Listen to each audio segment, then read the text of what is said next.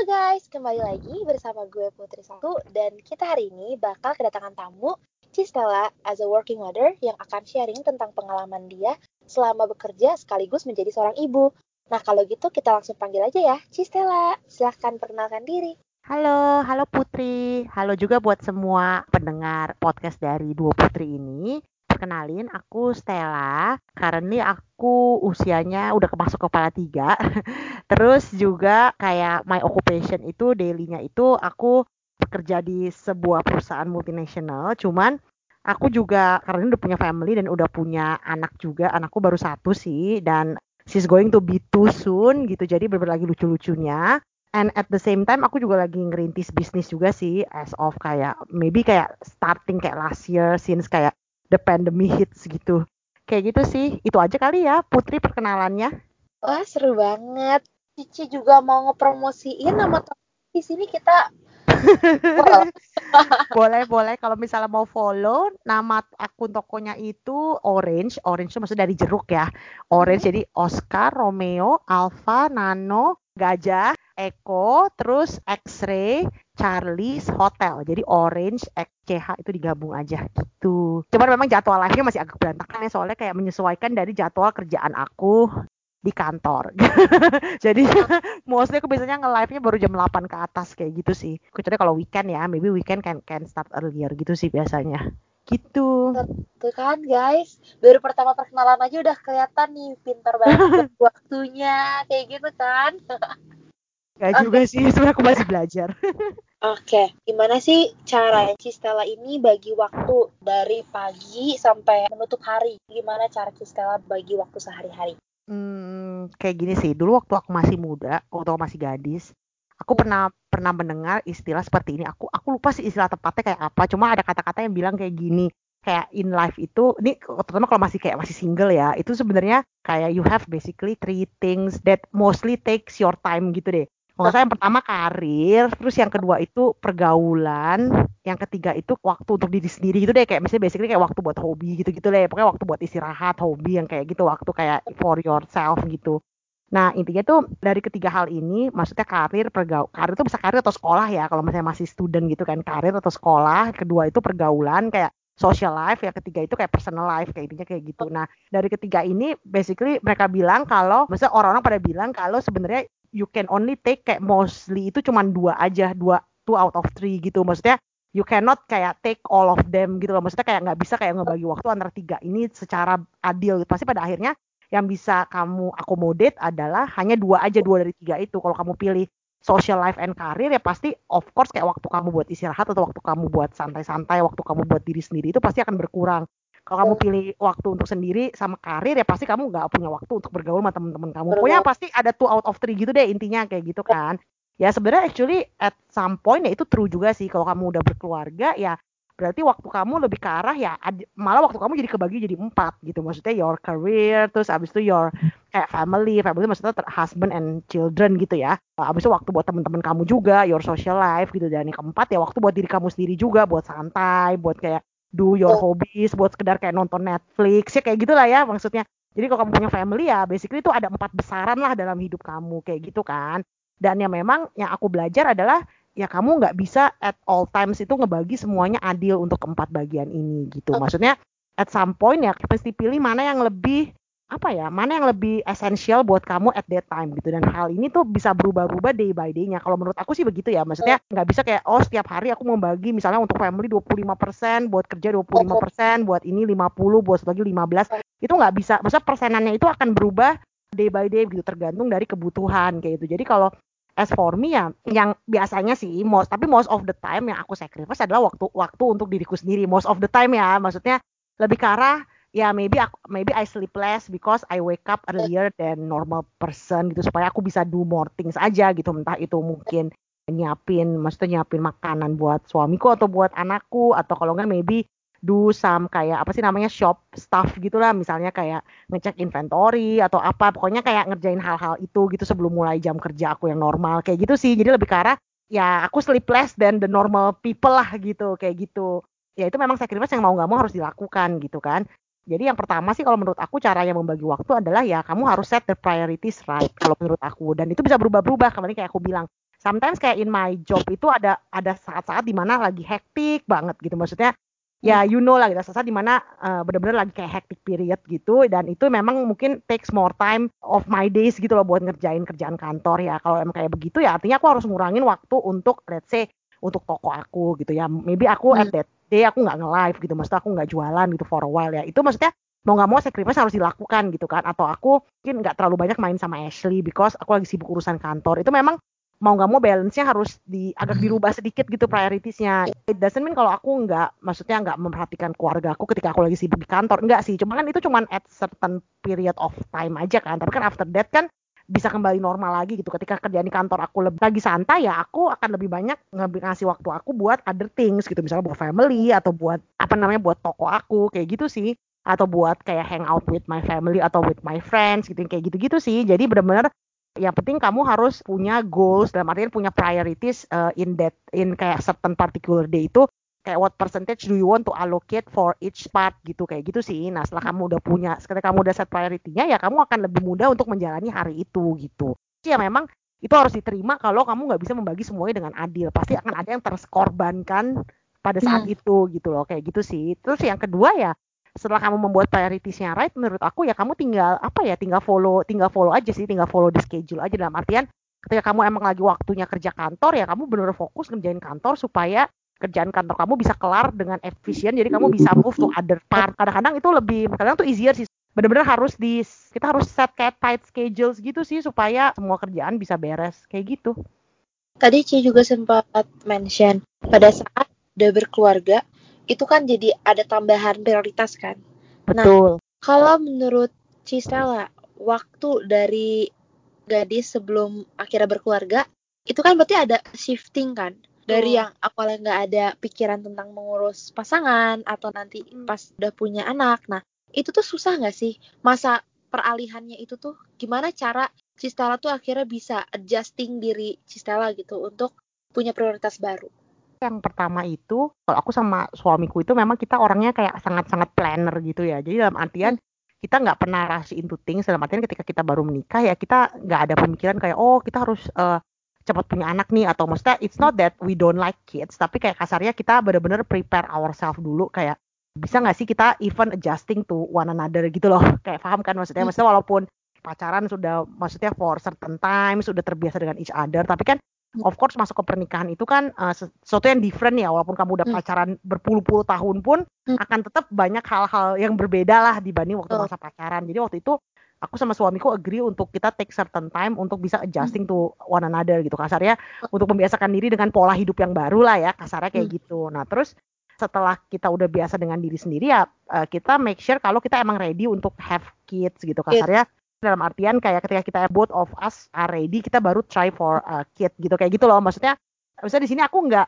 apa ya nggak mengecilkan artinya kayak ada pemberian Tuhan. Aku agree kalau memang anak itu kan suatu anugerah ya kasarnya Tuhan bisa kasih anak ke setiap pasangan gitu kan. Ya aku setuju. Cuman maksudnya aku merasa tetap sebagai manusia gitu ya kita tetap harus berusaha juga gitu. Jadi aku merasa waktu itu ya kasarnya kayak ketika kita belum ready kita nggak even mau coba itu kita harus sama-sama siap. Nggak bisa cuman salah satu aja. Jadi nggak bisa cuman kayak suamiku yang ready buat punya anak aku belum gitu. Atau aku udah ready punya anak suamiku belum. Tapi waktu itu kita take kayak benar-benar kayak kita berdua harus sama-sama ready dulu dan sepakat untuk punya anak baru kita try for kid kayak gitu loh jadi kayak waktu itu transitionnya sih quite smooth ya karena memang hmm. ya kembali aku bilang karena kita udah ready dan kita udah talk about it juga sebelumnya gitu loh maksudnya sebenarnya kalau dibilang kaget atau enggak sih enggak terlalu ya karena mungkin aku sama suamiku memang kita udah pakat dan kita udah paham gitu apa apa sih konsekuensinya dengan punya anak gitu loh maksudnya jadi karena kita udah tahu resikonya, kasarnya resikonya gitu ya, quote-quote hmm. punya anak itu kayak apa, jadinya kita udah ready aja gitu. Jadi ketika kita emang masuk dikaruniai anak itu ya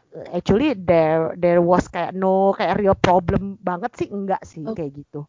Karena sudah terplanning kan. Jadi ya, kita betul. Plus minusnya segala macam hmm. udah dipersiapkan gitu ya. Iya, jadi yang penting be ready aja sih gitu. Jadi bener-bener kayak realistik aja gitu tentang ekspektasinya apa sih kalau misalnya udah menikah tuh kayak apa ekspektasinya hmm. kalau udah punya anak itu gimana deh selama ekspektasi itu udah di set clear dari awal itu sih seharusnya supposedly there maksudnya there should not be any problem ya maksudnya any big problem ya bukan gak ada problem tapi lebih ke arah masalahnya nggak akan sampai besar-besar banget gitu sih enggak kayak gitu.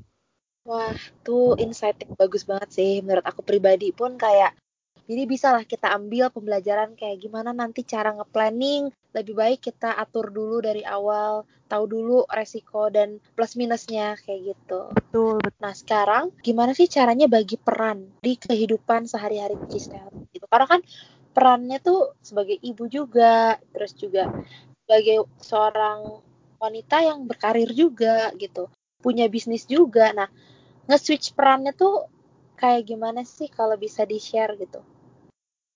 Oke, kalau menurut aku ini pertanyaannya cukup sulit sih menurut aku. Cuman aku try to answer ya in kayak the most simple way possible gitu. Kalau kalau menurut aku pribadi sih yang pertama harus kamu sadari ad adalah maksudnya each of us itu masih sadar kalau despite of kayak sehebat apa pun kamu gitu ya kasarnya ya. Hmm. Kita itu tetap human kayak just a normal human gitu kasarnya normal hmm. human yang punya kelemahan dan punya limit gitu dalam artian kita nggak kita bukan superhuman gitu. Kita bukan kayak manusia super yang basically bisa do everything kayak perfectly gitu according to our hmm. own standard or our own target gitu. Aku hmm. sendiri merasa aku cukup uh, apa ya bisa bilang aku cukup orang yang cukup idealis dan cukup apa ya perfeksionis in some way. Kayak aku merasa aku punya certain way to do certain things gitu loh. Misalnya aku pengen karirku begini aku pengen uh, bisa ngurus suamiku kayak gini ngurus anakku kayak gini ngurus bisnisku kayak gini. Ini maksudnya aku punya certain target for myself which is itu sebenarnya good juga sih. Karena kalau kita hidup tanpa target kan kita basically nggak akan achieve anything gitu. Cuman hmm. kita harus realize juga ketika kita punya target itu actually good itu memacu kita untuk jadi lebih baik. Tapi kita juga harus sadar kalau ketika kita aim for a star we may not kayak reach it gitu. Kita mungkin akan jatuh ke awan-awan aja gitu. Kita nggak nyampe ke star cuman kita minimal nyampe ke awan-awan gitu. Maksudnya kita harus sadar kalau target target yang kita capai ya kita pasang itu may not be achievable gitu loh. Karena ya kembali lagi kita masih punya apa ya kelemahan gitu lah. Kita mungkin cuma punya waktu 24 jam kita mungkin cuma punya capability untuk cuma bisa kerjain 10 eh misalnya kita bisa cuma bisa kerjain 8 out of 10 things yang kita harus lakuin. Kayak gitu sih. Jadi lebih ke arah kita harus realistik juga. Lebih ke arah yang pertama kamu harus accept kalau ya kamu tuh masih human being yang mungkin nggak hmm. bisa do everything gitu loh kasarnya. Jadi jadi itu penting. Kenapa? Karena kalau enggak kamu akan start buat kayak pushing yourself beyond limits dalam artian kamu akan maksain diri kamu ujung-ujungnya itu akan backfire to you gitu. Kalau itu kalau at least buat aku ya buat aku adalah ketika aku memaksakan diriku untuk achieve everything that I want to do karena aku pengen jadi ibu yang hebat pengen jadi istri yang hebat hmm. pengen jadi corporate worker yang hebat pengen jadi business owner yang hebat. Itu ketika aku maksa semuanya kayak gitu ujung-ujungnya aku tend buat do ya sebenarnya itu bagus sih aku tend to do kayak 100% in everything I do which mean kalau aku punya empat parts artinya aku do 400% gitu which is itu kayak kayak basically kita sebagai human itu nggak dibuat untuk melakukan 400% gitu loh jadi jadi sebagai apa namanya sebagai gantinya ya aku jadi mungkin jadi sakit kayak apa sih namanya kecapean sakit atau enggak aku oh, jadi gitu. apa ya Iya, atau enggak aku jadi emotional, kasarnya jadi kayak apa marah-marah terus karena kecapean, karena overwork gitu kan, maksudnya kayak overly tired, jadi kayak marah-marah, emotional, kayak gitu-gitu loh. Jadi ujung-ujungnya itu malah backfire to me kayak seperti aku bilang tadi gitu. Jadi memang pada akhirnya membagi peran itu nggak mudah gitu. Jadi pada akhirnya kita harus sadar kalau as much as we try to be kayak the best in every part itu nggak possible gitu. Jadi ketika aku belajar menerima itu, actually itu makes me a better person aja gitu. Kasarnya dalam arti gini, setelah kita satu menerima hal itu, yang kedua kita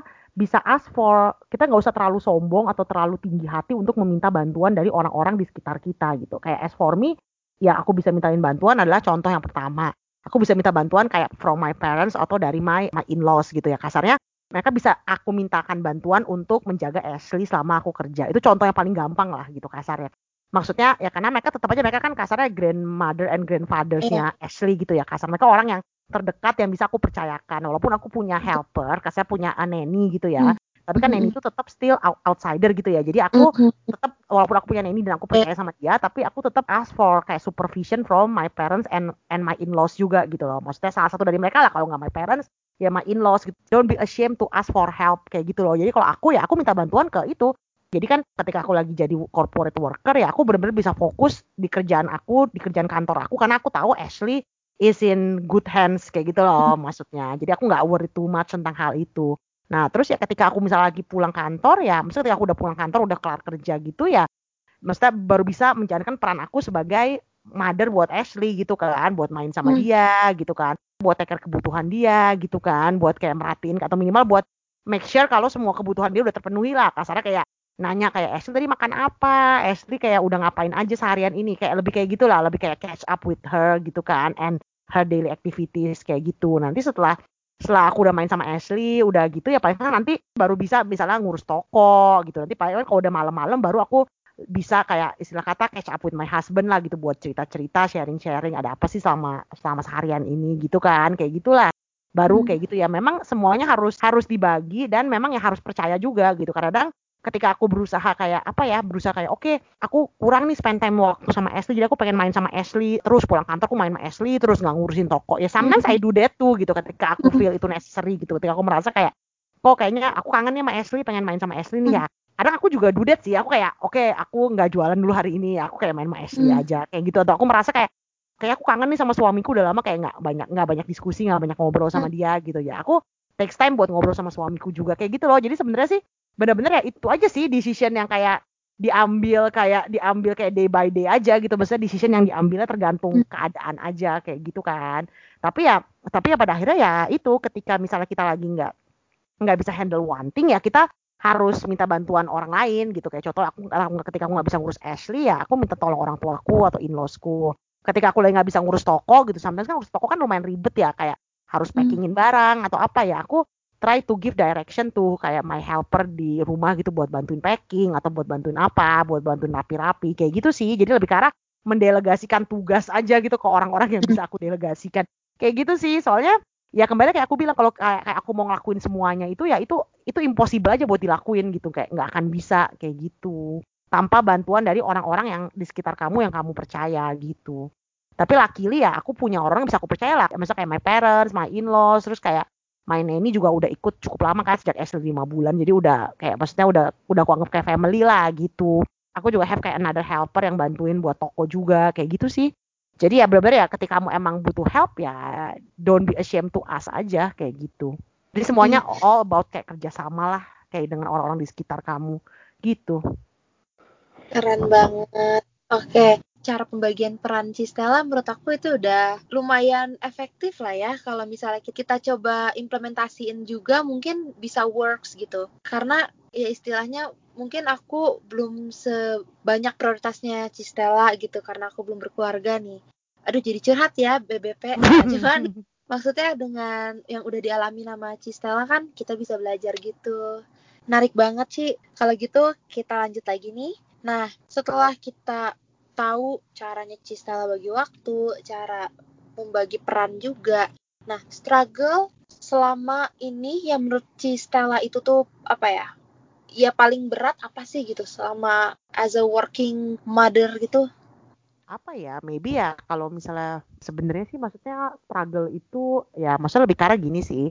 Ya aku merasa sih kalau nggak pernah ada benar atau salah dalam masalah apa ya apa pun yang kita pilih gitu ya itu nggak pernah ada yang benar dan ada yang salah gitu ya. Kasarnya ada beberapa orang yang mungkin lebih nyaman jadi stay at home mom yang kasarnya kayak memang 100% hmm. fokus sama family itu juga nggak salah menurut hmm. aku. Dan dan hmm. itu kan itu sebenarnya kan memang peran yang memang seharusnya uh, gimana ya that's how kayak our society perceive juga kan. Sebenarnya kalau wanita itu kan lebih karena jadi homemaker gitu kan jadi kayak apa yang namanya yang menjadi penopang untuk keluarga untuk suami dan anaknya gitu kan untuk jadi caretaker juga kayak gitu Nah, eh, itu kan memang kayak itu kan memang kayak traditional function of woman dan menurut aku terlepas daripada masalah sekarang kita hidup di zaman yang sangat apa ya di era globalisasi yang sangat modern ini tetap kan itu traditional role itu kan tetap kayak eksis aja gitu kan. Jadi menurut aku nggak salah juga kalau misalnya orang-orang yang memilih untuk jadi stay at home mom gitu. Tapi at the same time ada juga orang-orang yang memilih untuk berkarir kasarnya membantu suaminya untuk kayak menambah penghasilan atau apa gitu. Apa pun reasonnya mereka choose untuk meninggalkan anak dan suaminya for a while untuk berkarir ya walaupun mereka pada akhirnya akan kembali lagi ke rumah untuk ngurus untuk ngurus anak dan suaminya sih. Jadi emang itu kan hmm. selalu apa ya? Itu selalu jadi perdebatan lah kasana selalu ada pro and hmm. cons between kayak this choice these two choices gitu kan.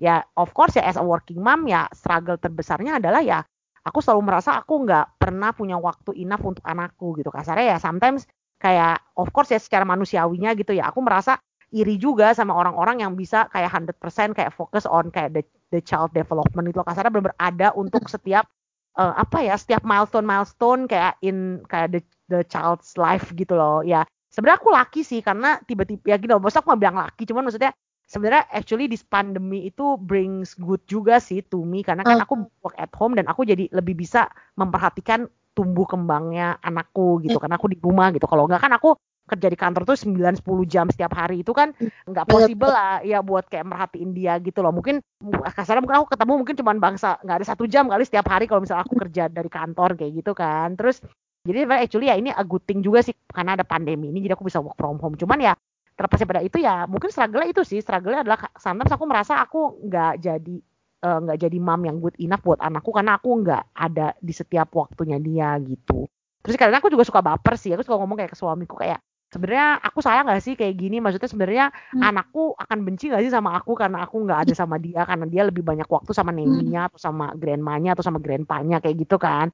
Ya cuma kalau menurut suamiku ya ya nggak masalah. Maksudnya pada akhirnya kalau menurut suamiku sih pada akhirnya hmm. love itu nggak ditentukan dari seberapa sering atau seberapa lama kamu spend time with her gitu or with ya maksudnya with her or with him lah. Kasarnya anak kamu cewek atau cowok gitu. Maksudnya itu nggak iya. ditentukan yeah. dari misalnya your love itu is not determined by kayak how much hmm. time you spend with him or her tapi lebih ke arah kayak the way you do things for him or her itu yang yang hmm. actually penting gitu kasarnya kan tuh kamu kerja juga kan buat dia gitu kasarnya kamu kan kerja untuk memberikan dia kehidupan yang lebih baik untuk memberikan dia kayak hmm. masa depan yang lebih baik gitu kan untuk menopang kehidupan dia juga menopang nanti sekolah dia pendidikan dia gitu kan kasarnya basically everything that you do itu kan pada akhirnya ultimately buat dia gitu kan dan dan anyway juga maksudnya kata suamiku ya selama aku masih bisa punya waktu untuk apa ya bisa main sama dia walaupun cuma sebentar ya itu udah means a lot aja gitu. Pada akhirnya ya hmm. anak itu akan bisa merasakan love. Maksudnya itu tanpa sadar kita nggak bisa jelasin ya secara apa teori. Cuman secara uh, emosional itu anak itu bisa ngerasain kok kalau orang tuanya sayang sama dia walaupun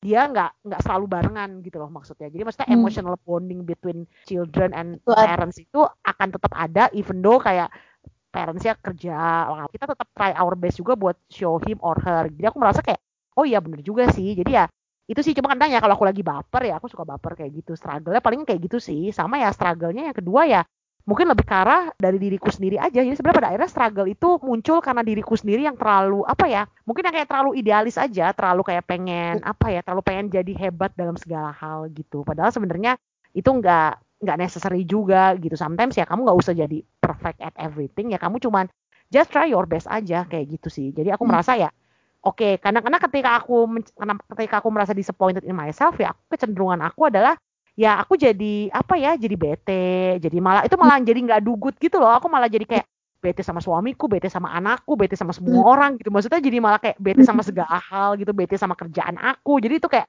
sebenarnya bener-bener kayak good aja gitu jadi aku malah nggak bisa enjoy life gitu loh jadi kayak hmm. ya memang struggle itu lebih karena datangnya dari diri sendiri sih cuman aku heard from kayak many mothers out there gitu ya banyak juga yang struggling because of what people around them saying gitu ya. Sometimes ya kayak hmm. society kita ini kadang suka terlalu menjudge gitu ya. Kasarnya hmm. maksudnya menjudge kayak, eh lu sibuk banget sih di kantor, lu gak punya waktu buat anak lu atau apa. Kadang tuh hmm. banyak ibu-ibu di luar sana yang sedih mendengar hal-hal seperti itu gitu. Kalau aku sih untungnya aku cukup cuek ya, jadi aku nggak terlalu peduli orang hmm. ngomong apa. Cuman uh, banyak orang di hmm. luar sana yang kayak lebih sensitif aja gitu. Ya makanya memang menurut aku kita harus less judge. Maksudnya kita jangan terlalu ngejudge people lah gitu. Kita nggak pernah tahu apa yang mereka rasain gitu. Cuma kadang orang luar sana tuh banyak yang suka ngejudge gitu loh kalau lu kerja kalau lu kerja itu lu artinya nggak terlalu sayang sama anak lu gitu kayak kalau lu sayang buktinya kenapa lu bisa ninggalin dia for kayak how many hours gitu loh buat kerja kayak gitu padahal sebenarnya ya mereka nggak tahu gitu kalau ketika si ibu ini bekerja di luar sana tuh dia mikirin anaknya juga kayak gitu jadi ya lebih karena gitu sih mungkin kadang ada juga ada certain pressure from our societies juga gitu buat working moms gitu sih Berarti memang ada dua struggle nih ya dari diri sendiri atau dari society. Oke, iya berarti kan sebenarnya nih BBP, kalau misalnya kita perhatiin setiap orang tuh pasti punya struggle masing-masing. Dan oh. kita nggak bisa juga gitu langsung ngejudge ini orang ngelakuin A nanti B-nya gini atau B nanti C-nya gini karena kita saking sayang sama anak kita kan tadi Cistela juga udah share dia pengen kasih yang terbaik gitu buat anaknya. Kadang ada juga yang ngejudge-nya kayak gini, oh kan suami lu cukup mampu ya, cukup mapan, kayak hmm. kasarnya pekerjaannya cukup bagus, masa iya sih dia nggak bisa menopang dengan gajinya hmm. kehidupan kalian gitu, apa lu terlalu hedon atau gimana, kayak suka judgment hmm. kayak gitu loh. Hmm. Nah kalau menurut aku kadang-kadang ada certain maksudnya certain people ya termasuk aku juga hmm. sih yang sebenarnya kadang working itu not only for money tapi lebih cara untuk uh, apa ya uh, eh, self achievement aja gitu maksudnya not really about money sih maksudnya kalau kayak kalau kayak suamiku gitu ya kasarnya ya dia mungkin bisa support kayak our family tapi aku merasa kalau aku cuma di rumah aja with maksudnya cuma di rumah ngurus anak dan ngurus suami itu aku merasa akan apa ya ya aku akan jenuh dan ujung ketika aku jenuh itu aku Oh. malah jadi apa ya toxic aja gitu loh buat Iya. orang di sekitar aku gitu ketika kamu nggak happy basically itu ada saying yang bilang a happy wife equate to happy life kayak gitu kan. A happy wife means happy life. Ya maksudnya itu in some way bener sih gitu karena maksudnya ketika Hmm. kamu jadi seorang istri atau kamu jadi seorang ibu yang nggak happy itu akan ngefek ke suami kamu dan ke anak kamu gitu. Kamu akan jadi bad mood kerjaannya dikit-dikit bad mood dikit-dikit sensian dikit-dikit ngamuk gitu ya which is itu nggak good juga buat your husband and your kids. Jadi pada pada akhirnya maksudnya aku merasa kita sebagai wanita itu ya we just need to be happy aja and we just need to find our own ways untuk be- untuk jadi happy gitu loh. Kalau misalnya bikin kamu happy adalah kerja ya ya then Ya, just do it gitu. kalau misalnya kamu merasa kalau kamu merasa kayak oh kalau gue kerja gue malah makin kepikiran nih anak gue gimana ya? Hmm. ada yang urus atau enggak anak gue gimana ya? Gue nggak percaya nih sama neni gue or something ya. Misalnya kalau emang itu terjadi ke kamu dan kamu merasa oke gue lebih Hmm. happy gue lebih secure ketika gue di rumah bisa ngurus anak gue ya then just do it gitu. Maksudnya ya basically you are responsible for your for your own happiness gitu loh. Jadi ya ya kita cuma need to do up things yang bikin kita happy gitu. Dan kita nggak usah ngejudge orang lain yang mungkin ngelakuin hal di luar yang kita lakuin gitu loh. Mungkin kalau aku mungkin lebih happy ketika aku bisa kerja ketika aku bisa berkarir ketika aku bisa berkarya. Cuman ada orang lain misalnya yang mungkin lebih happy untuk just just stay at home ngurus anak ngurus suami kayak gitu. Dan itu actually nggak ada yang bener nggak ada yang salah nggak ada yang lebih hebat gitu. Cuman basically kita cuma do things yang bikin kita happy Iya. aja gitu Betul betul. Jadi pokoknya jangan ngejudge akan apa kayak reason orang untuk mengambil suatu tindakan atau iya keputusan gitu dan juga jangan ngejudge kayak pokoknya kita nggak pernah tahu lah struggle orang itu. Oke, tadi kita udah bahas nih tentang struggle. Sekarang ke positifnya nih. sebenarnya pada akhirnya sih menjadi seorang ibu itu of course kayak very rewarding ya gitu maksudnya aku merasa sih ya ketika kamu bisa berpartisipasi terhadap kayak eh, generasi generasi di bawah kamu gitu loh. Maksudnya kamu bisa eh, apa ya kamu berkontribusi terhadap kayak generasi di bawah kamu kan. Anak kamu itu kan generasi di bawah kamu lah hitungannya gitu kan ya. Maksudnya kayak it's quite cool sih ketika kamu bisa kayak actually kayak impart some knowledge or impart some kayak skills to him or her gitu. Kayak itu actually kayak ya very cool sih menurut aku. Jadi kayak lebih ke arah jadi your life itu not only about yourself tapi kamu dengan mendidik anak kamu jadi orang yang hebat gitu loh kayak gitu. Untuk ya ya nanti kan padahal kalau kamu kalau kamu mendidik anak kamu jadi orang hebat kan dia akan bisa berkontribusi terhadap negara ini terhadap dunia ini kayak gitu loh maksudnya. Paham kan? Maksudnya kayak ya jadi aku merasa ya aku pengen anakku itu one day bisa tumbuh jadi seseorang yang berguna lah untuk masyarakat kayak gitu loh. Jadi ya Maksudnya itu menurut aku sangat rewarding sih ketika kayak kasar gini, kasarnya ya, bahasa kasarnya ketika one day aku sama suamiku pass away, kita udah ninggalin legacy dalam bentuk anak kita itu, paham kan maksudnya? Jadi lebih arah creating legacy sih kalau menurut aku. Jadi aku pengen punya, aku pengen create a good legacy aja for this world.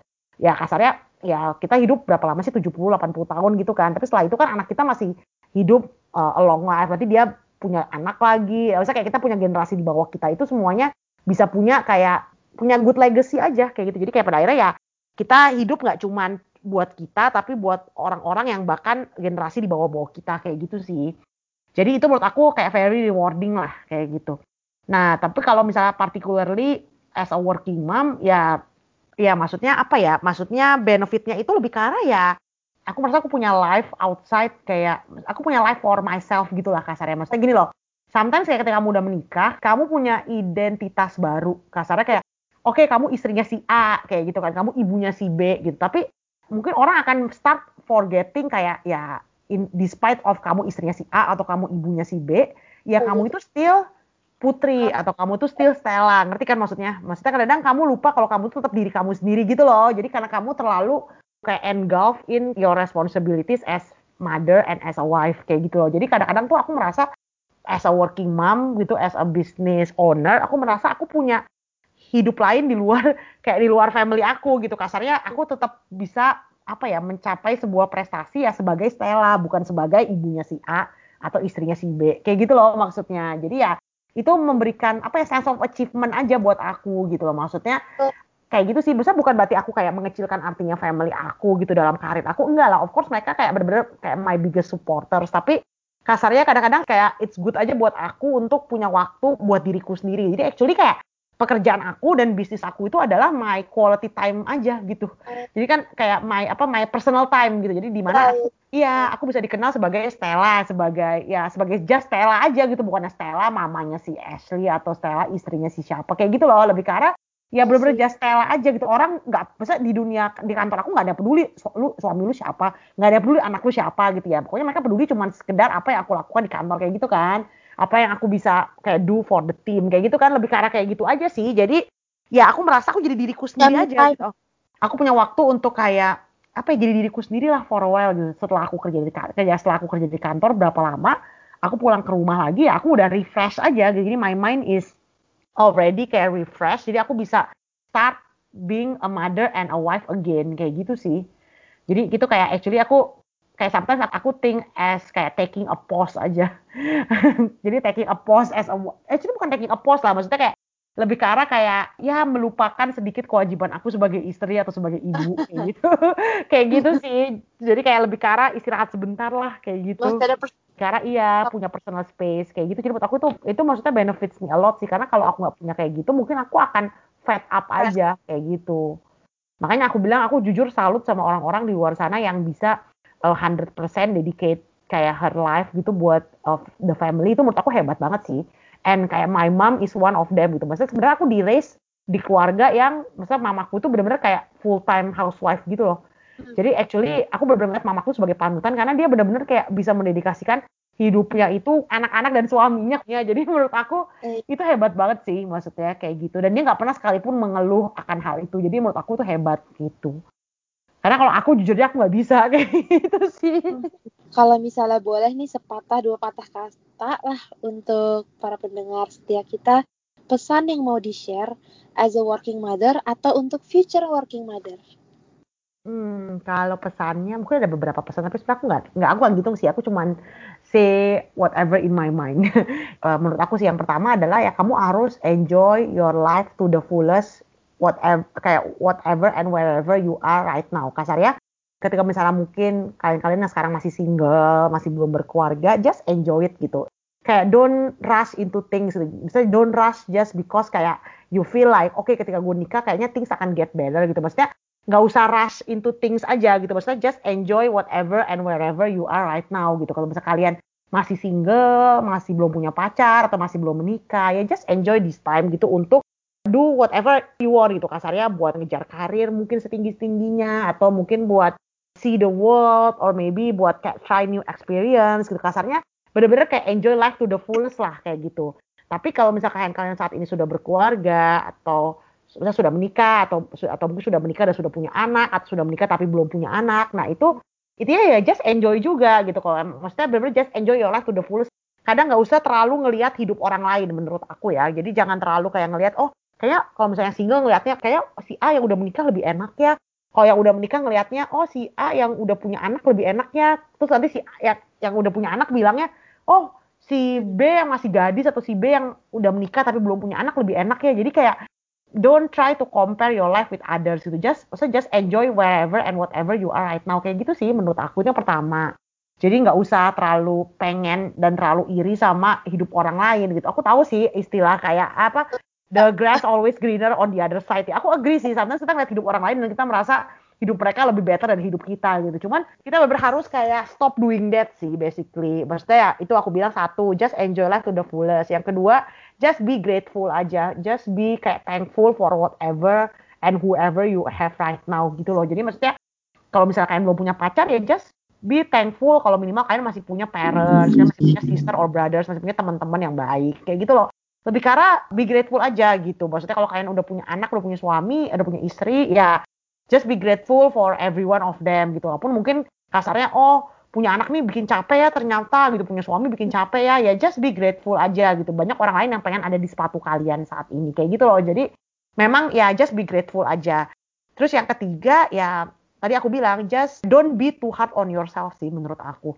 Maksudnya sometimes kita sebagai terutama sebagai cewek-cewek gitu ya kita kadang ya kita kita tuh hard on ourselves aja kita merasa kita pengen achieve this and this and that gitu kan nah itu jadi itu kita put pressure on ourselves gitu kayak aku tadi kayak tadi aku bilang gitu kita kadang nggak realize kalau kita itu still a human being yang punya kelemahan, yang punya titik capeknya, yang punya titik jenuhnya gitu. Jadi ya kadang kita kita kayak push ourselves too hard aja gitu. Jadi ya kita harus belajar untuk accept the way kayak kita emang nggak bisa do everything perfectly and 100% gitu loh.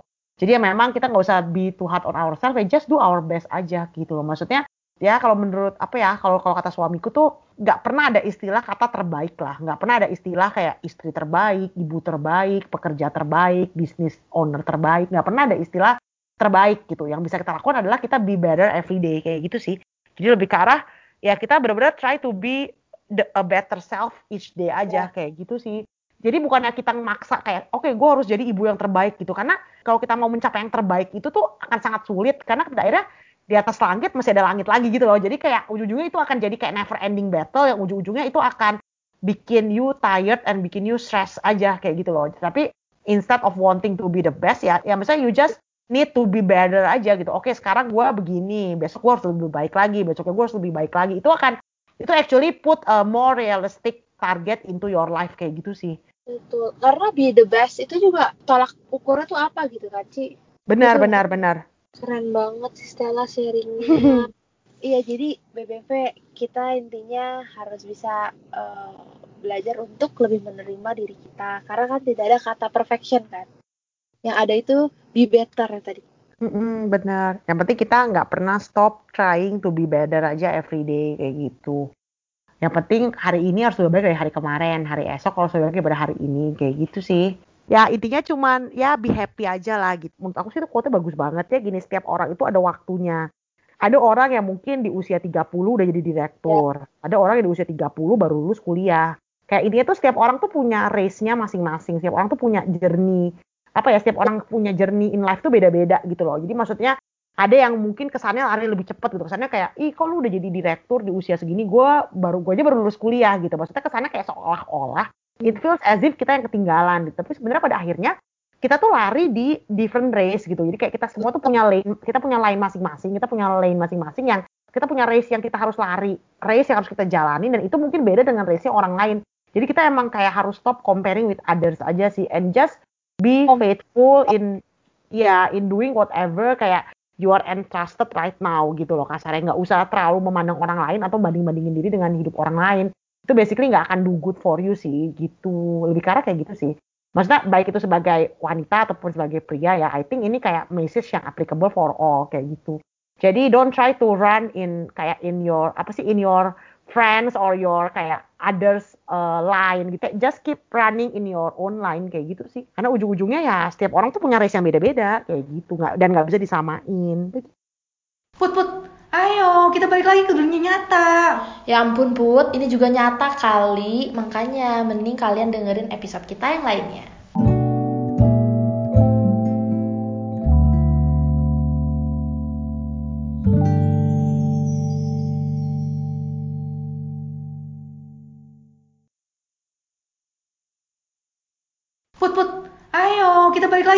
Nyata. Ya ampun Put, ini juga nyata kali. Makanya mending kalian dengerin episode kita yang lainnya.